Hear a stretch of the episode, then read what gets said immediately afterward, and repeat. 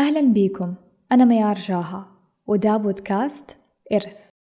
دا البودكاست بشارك فيه رسائل عن أمور استوعبتها ووعيت بيها في رحلة حياتي. وأمور عشتها في طريقي.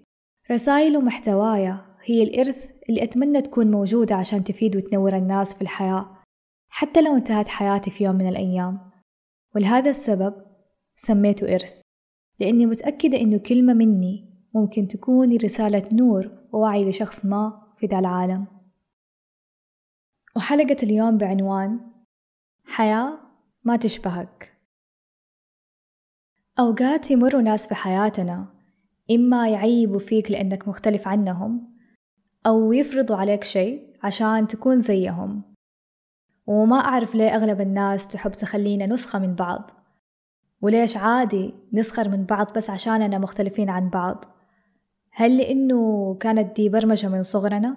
لما كان ينقال لنا ليه ما تصير زي ولد عمك؟ ليه ما تصير زي أختك؟ ليه ما تصير زي فلان؟ خليك زيه. فالناس كانت تحمسنا نمشي على نفس طريق غيرنا ونكون بنفس شخصياتهم وأسلوبهم حتى في قراراتنا واختياراتنا. أحيانا لو بس الواحد يسأل نفسه هل فعلا كان هذا اختياري ولا كان اختيار غيري؟ هل فعلا هذا الشيء أبغاه أنا ولا قررته عشان أصير زي فلان وفلان؟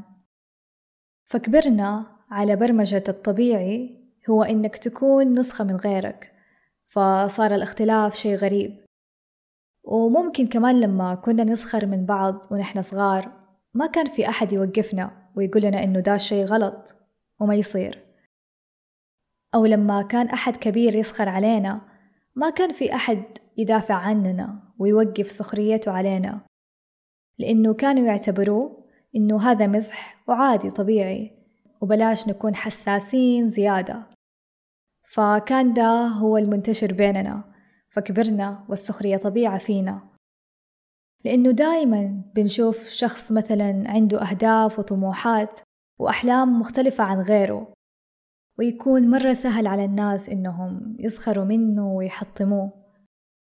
شخص اهتماماته وذوقه أو أسلوب حياته مختلف عن الأغلبية فيلقى بسهولة ناس تتهجم عليه أو تسخر منه فيحس كأنه منبوذ منهم. بس لازم تعرف إنه ما حد أنولد وعاش بنفس البيئة والطريقة فالاختلاف والتنوع شيء طبيعي. وحاول تفهم إنه مو لازم نصير نسخة من بعض وما حد أصلا انولد عشان يصير نسخة من الثاني. فالشيء اللي حقيقي أتمنى يوصل لكثير من الناس هو إنه كون طموحي وطريقي مختلف عنك لا يعني إنه ليك الحق تسخر مني أو تحطمني وتعتبره ما له قيمة أو أهمية. وكون ذوقي واهتماماتي أو أسلوب حياتي مختلف عنك لا يعني إنه ليك الحق تسخر مني. صح إنه كل ما كان الشي مختلف كان له انتقاد أكبر بس هذا مو معناته إنه نسخر لدرجة التجريح أو ننتقد بقلة أدب. وأكيد ما حنكون مثاليين ونقول إنه عمرنا ما حنكون منهم. بس على الأقل وعينا بدا الشيء يخلينا نحاسب لكلامنا وانتقادنا من وقت للثاني. وهذا الشيء حقيقي أفضل من لا شيء. وفي كمان أشياء حاول تتقبلها. واحد أتقبل إنك أنت حتواجه ناس كثيرة مختلفة عنك.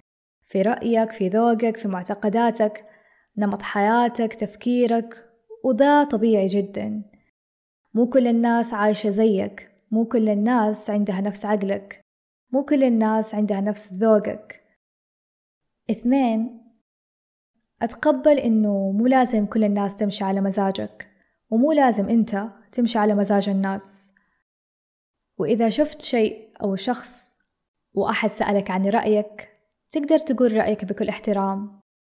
وإذا ما حد طلب رأيك تقدر تحتفظ بيه لنفسك. ثلاثة أتقبل إنه مو شغلتك إنك تجبر أحد أو تفرض على غيرك شيء أنت تحبه أو شيء أنت تبغاه لأنه مو كلنا حنحب نفس الأشياء ومو كلنا نبغى نفس الأشياء. فحاول إنك ما تعيش على أسلوب اللي يشبهني فهو صاحبي واللي مختلف عني فهو عدوي. فلا تخلي الاختلاف يبني لك حرب مع غيرك.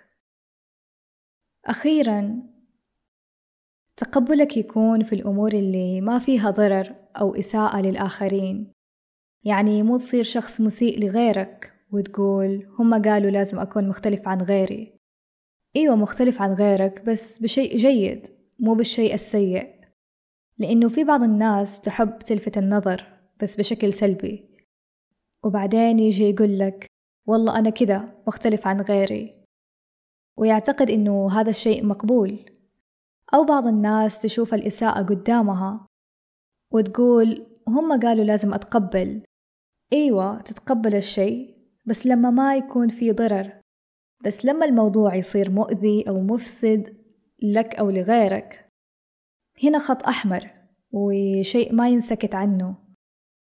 التقبل في النهاية لا يعني إنك مؤيد أو حاب الشيء أو الشخص هذا.